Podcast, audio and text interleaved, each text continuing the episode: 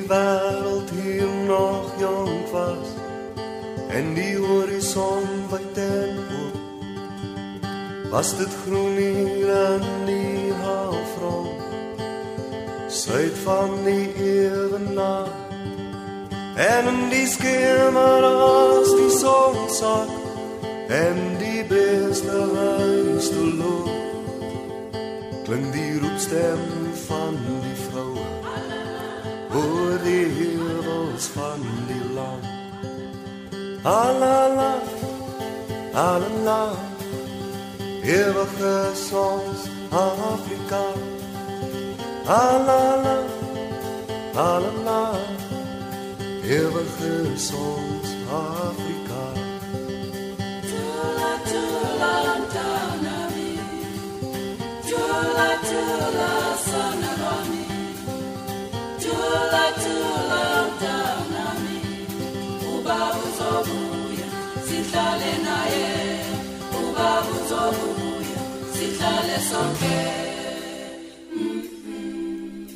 Goeienaand. Jy's ingeskakel op RSG en luister na Kortom. Ek is Johnny Klein. Vanaand lees Rika Senne die tweede gedeelte van Dogters van Afrika. Die storie is geskryf deur Elsa Joubert. Elsa sou vanjaar 100 jaar oud geword het. Hier in Kortom vier ons dit.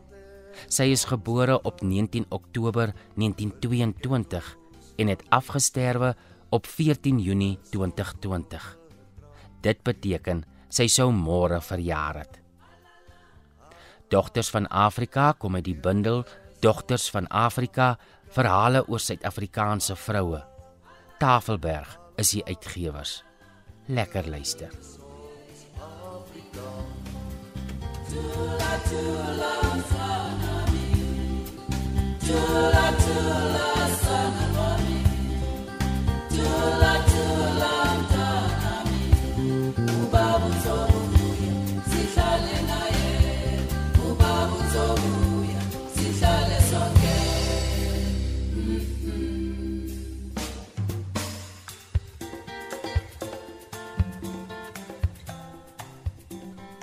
Dogters van Afrika deur Elsa Joubert.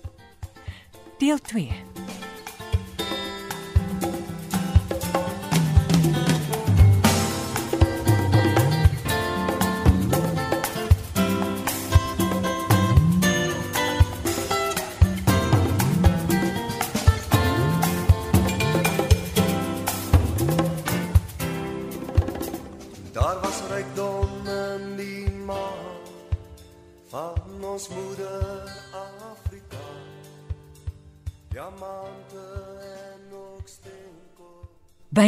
Teen haar sin begin sy luister na wat daar van die verhoog af gesê word.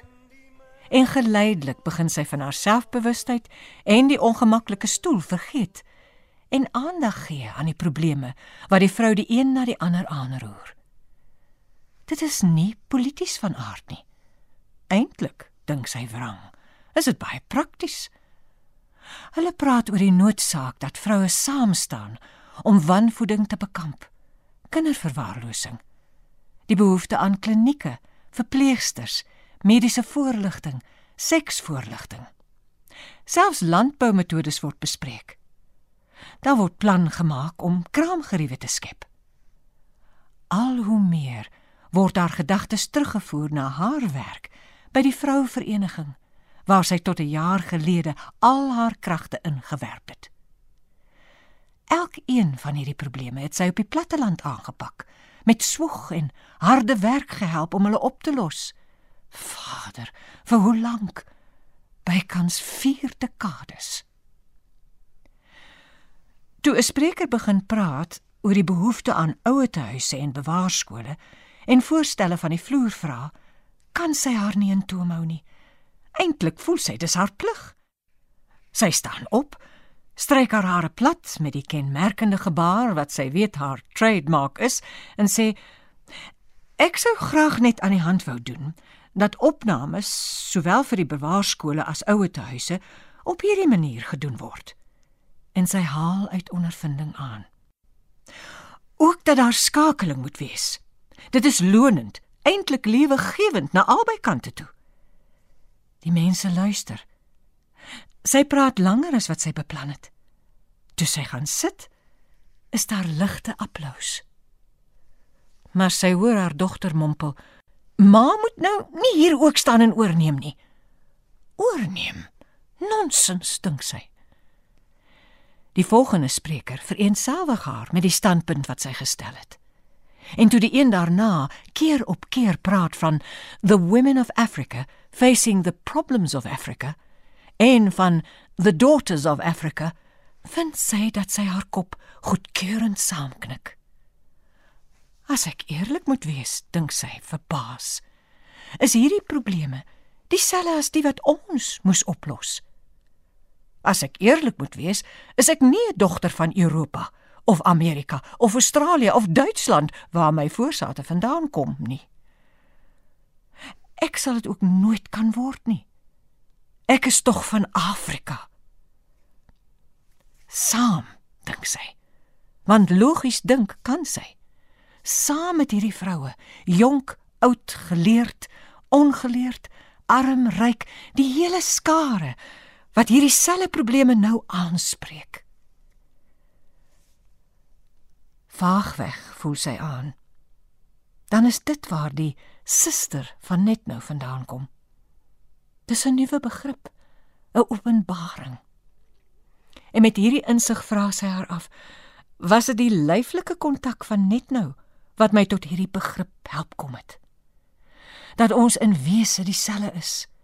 Vroue wat saad ontvang en geboorte gee, wat buk om kinders te troos, te leer loop, stof af te vee van die stukkies kos in hulle hande, wat die kos uit ons monde sal neem om die kinders te voed.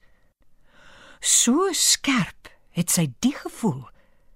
Kerkbedrywighede, sustersverenigings, ten spyt nog nooit ervaar nie. Dan is dit 'n begrip wat heeltemal verby morele of politieke of godsdienstige oorwegings gaan. 'n Begrip wat 'n werklike bestaansredenasie is dat die vroue hier in Afrika in wese susters is. Dogters van Afrika. Sy staan weer op om te antwoord op 'n swart spreker se vrae. Weer haal sy voorbeelde uit die 30er jare aan. Sy probeer nie paternalisties die gewoord van haar dogter wees nie. Sy voel opgelig in haar gemoed. Die bespreking is hewig aan die gang en sy bly verder stil. Sy dink haar dogter is verlig hieroor. Een van die swart sprekers is aan die woord. They must stop talking of our forefathers of 300 years ago. We are women of today. We know the privileges, but also the responsibilities of today, and we have shouldered them. We are women of this time. Sy is verbaas toe sy haar betrap dat sy hande klap. Women of this time? Ek en sy albei, besef sy opeens. Waar of hoe of wat ons voorouers ook al was, hare en myne, ons leef nou en net een keer Eintlik is ons niks verskuldig aan die verbygaande geslagte nie. Gebruike en idees en norme van ons voorouers, vergeef my grootmoeders, vergeef my grootvaders, is irrelevant. Wat belangrik is, is wat ek nou en hier doen. In die paar jaar ons gegeen op aarde. Want dieselfde stukkie uitgeholde grond wag vir ons albei. Dis heeltemal 'n nuwe idee vir haar en gooi alles 'n bietjie omver. Maak haar eintlik duiselig. Of is dit maar die lugdruk of dalk haar hart? Die beampte by die deur probeer met uitgestrekte arm boor die koppe van ander stukkies pink papier aangee aan die wat nog nie kaartjies na die buffet ete by die onderdakse swembad het nie. Haar dogter kry een in die hande, gee dit agter oor haar skouer na haar toe. En strek haar hand uit vir nog een. Ons het klaar geëet, keer sy. Mamma het betaal. Ma, en ek is ook genooi. Haar dogter trek haar skouersak op, deur haar duim deur die band te stoot en dit vooroor te trek. Sodat dit nou styf in haar armholte sit. Byna soos 'n pistoolhouer, maar dit wys agtertoe. Sy sit self haar hand op die knip van haar handsak. Hulle word saam met die mense wat by die deur van die saal uitstoot, ingedwing in 'n gang, soos die waarmee passasiers op 'n lughawe na 'n vliegtuig beweeg. Die volvloertapijt klim teen die mure van die gang uit en sluit weer saam oor die lae plafon. Ons druk maar saam, ma, sê die dogter. Kry ma genoeg lug? Sy hyg 'n bietjie, maar sê: "Ja, ja, dankie." Daar word effens skiet gegee voor in die stroom. Die vrou sien hulle naby 'n ruimte, glimmend van spieëls. En teen die plafon weerkaats die kabbeling van water. "Wow, ma, kyk die swembad," sê die dogter. 'n Jong bleek Engelsman in 'n aandpak en strikdas haal glase uit kartondose en skink wyn. Iemand het 'n hand op haar bout en sy word beslis maar beleef vorentoe gestoot. Sy gee stywe, vinnige trekkies en in die tree mors 'n paar druppels koue wit wyn uit die glase wat in haar hand gestop is. 'n Vrou in 'n blink aantrok en met lang oorringe, rooi lippe en 'n blink gespuite afro wuif hulle met haastige handgebare vorentoe. Don't cause a blockage, please move. Help yourselves at the buffet. Soos hulle loop, word hulle glasies opgevul deur jong bleek Engelsmannetjies met geel kuive wat oor die voorkoppe hang en af en toe met 'n kopspieël weggeskit word. Dis ander mense se kos ek gaan eet, sê die dogter. Hou my wyn, ma, dan skep ek vir ons. Sy sukkel met die twee glasies en die handsak wat sy in haar armholte vasknyp. Sy geniet die wyn, Nie die suurwyn wat haar dogter op die tafel sit nie, maar iets soeterigs wat na vrugte smaak. Sy drink haar glasie leeg. Dit word ongemerk weer opgevul. Sy sien die ver af kennisse, die wit vroue wat van died in the wool liberals gepraat het. In 'n groepie aan die oorkant van die swembad staan. Hulle waai vir haar. Sy probeer terugwaai, maar met twee wynglassteeltjies in haar hand is dit moeilik. Sy slurp 'n slukkie uit elke glas om hulle leer te maak. Versigtig, met groot konsentrasie, lig sy eers haar elmboog, dan haar pols, sodat die twee wynglasies halfpad gedrink sonder voorval tot kophoogte kom. En maak 'n klein krap bewegingkie met haar vinger teen een van die glasies om te kenne te gee dat sy ook groet. Hulle probeer na haar oorskuiwe, al op die rand van die swembad langs en beduie sy moet ook in hulle rigting beweeg. Sy roer haar skouers in die rigting van die buffettafels en vorm met haar lippe oordrewe woorde: "My dogter skep vir ons kos." Die toneelgang spoeg nog steeds sy kongresgangers. Hulle kom ietwat verdwaas in die helder verligte onthaallokaal in. Hul oë op skreefies en hulle monde ingetrek asof hulle aan iets suig. Miskien is dit maar net ligte klaustrofobie of gebrek aan suurstof in die gang. Hulle sak met onwillekeurig aanvaarde glasies wyn in die hand toe op die kostafels. Maar ons kan nie nou met daardie ou wit tannies gaan gesels nie. Ons moet meng. Dis eintlik die doel van die ete dat ons meng. Haar dogter vat weer haar eie glasie en sê niks van die wynvlak wat aansienlik gesak het nie. Sy skuif 'n papierservet in onder die voet van die wynglasie wat haar ma tussen duim en voorvinger vashou. En sit die volgeskepte bord kos in haar vryhand. Mens kan nie so eet nie, sê haar ma. Ons moet plek kry om goed neer te sit. Hulle beur tussen die groepies vroue deur. Sy is bewus van halfgeëte hoenderboutjies op mondhoogte dig by haar. Of 'n slaaiblaar tussen twee donker vingers met pink gepoleerde naels wat op pad na perfek getekende natlippe deur die lug beweeg. Alles is so naby dat sy die nattigheid van oliedruppels op die slaaiblare kan sien. Selfs knoffel, ui en asyn kan ruik. Net so tuigie daarvan. 'n Vurk belaai met rys hang 'n oomblik in die lug wanneer die hanteerder eers haar woorde met 'n fyn spoegreën klaar uitspreek sy self morswyn want haar glas is weer ongesiens gevul en eina. Ag nee, wêreld, dit word te erg. Sy het 'n blaps geel rys met hoendersous, selfs 'n stukkie gestoofde hoender wat daaraan klou, oor die glinsterende drapeersel om 'n slanke modelheup uitgemors. Sy probeer dit afvee met die agterhand van haar kneukel wat die papier se vet net net onder beheer het. Maar die blaps het vloer toe geval. En 'n afgetrokke hand vee ongeërg oor die heup. Kyk nie eens af nie. Nou moet ons plek kry, sê sy vir haar dogter. Wat telke male gaan stil staan om 'n vurk vol kos in haar mond te stop en dit af te sluk met wyn. Ander het dieselfde ongemak as hulle. Sommige leun teen blink pilare. Ander sit met bene vorentoe gestrek op die vloer. Keer met die hande en wynglase en kosborde dat die verbybeurendes nie oor hulle bene struikel nie. 'n Vrypostige het haar papier se vet opgevrommel in 'n bal en met 'n oordrewe arm en skouerbeweging in die swembad ingegooi.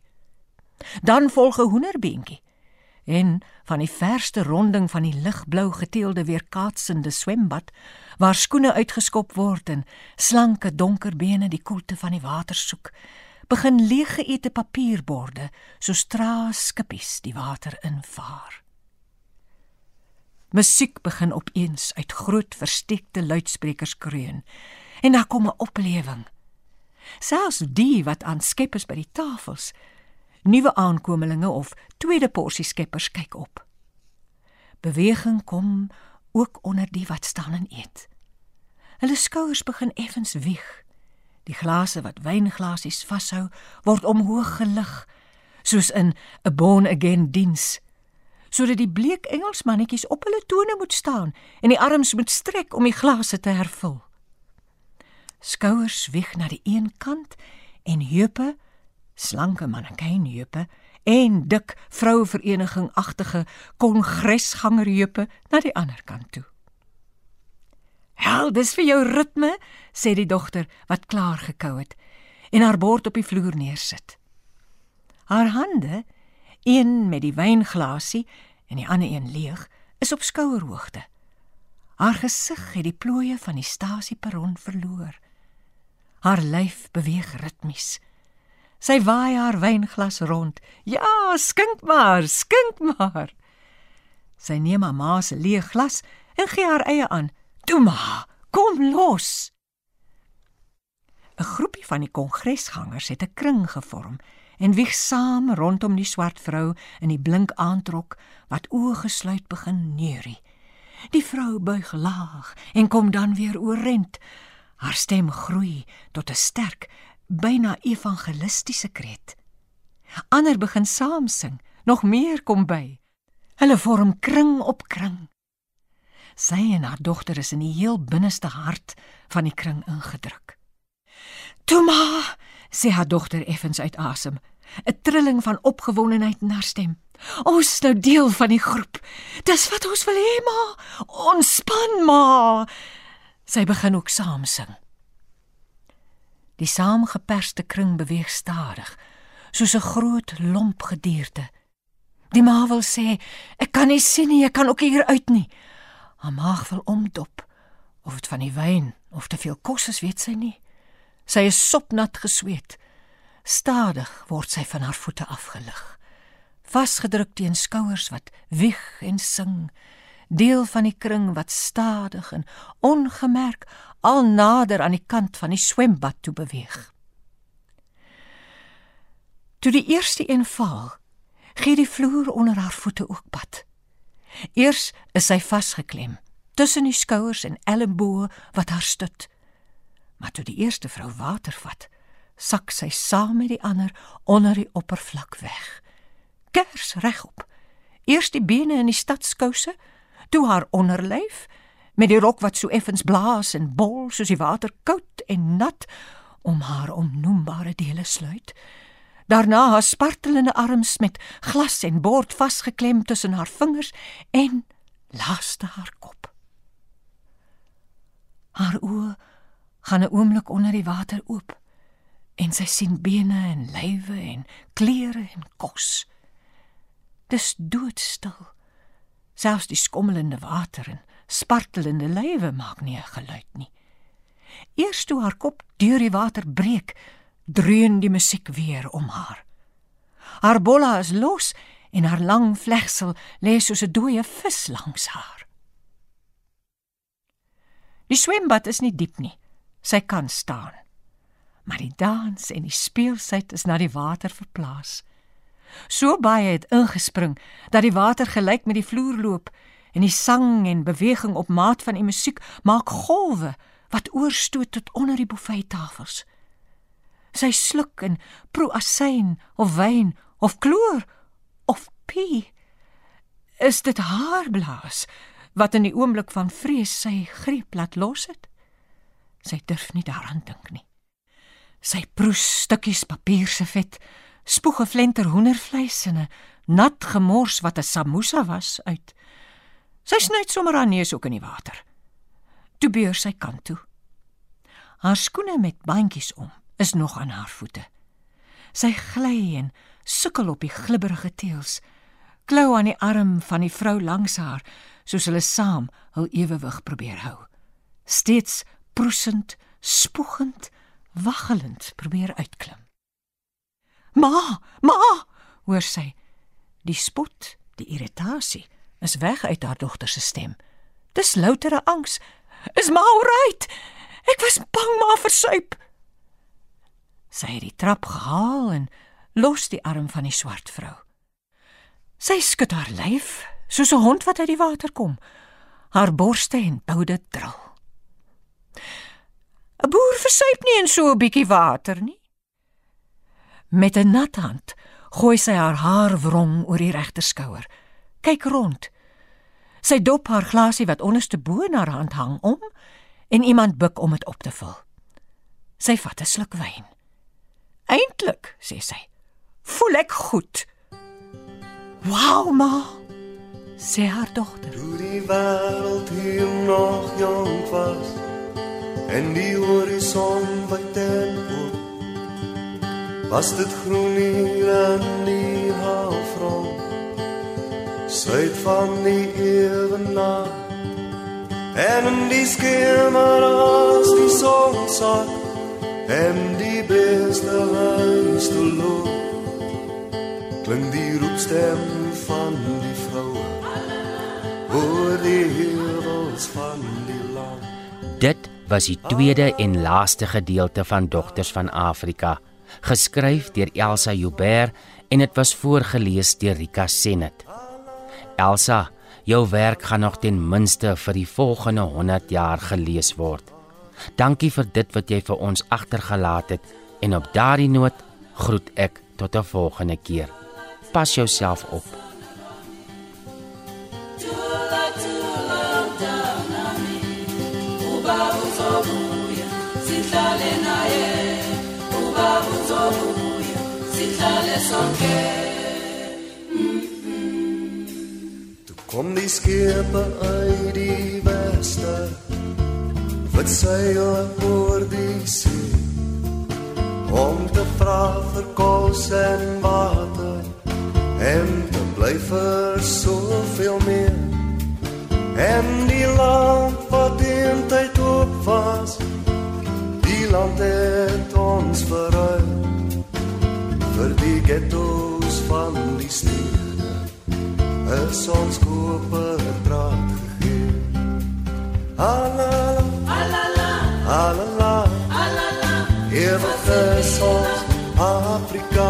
kamnani Alala, alala alala, alala ewig is ons Afrika. tula tula. mntanami tula tula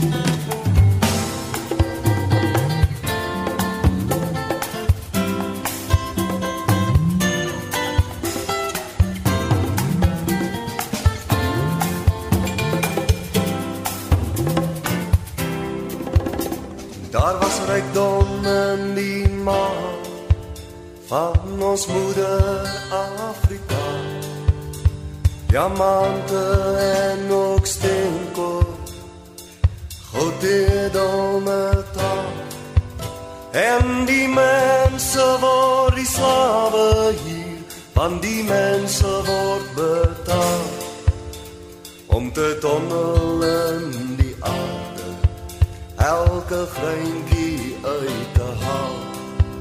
En die groot en opgras vlaktes span dit toe met door en van die olifant tot die gemsbok al die diere moes kom by.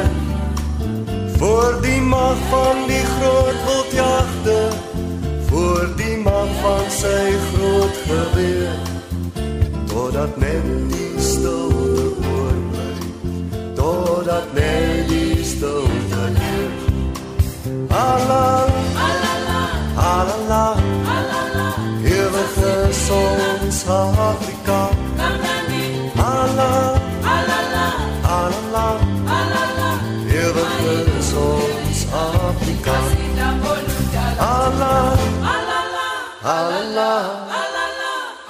Allah Allah Ewige sons Afrika Allah Allah Ewige sons Afrika Allah Allah Ewige sons Afrika Allah Allah My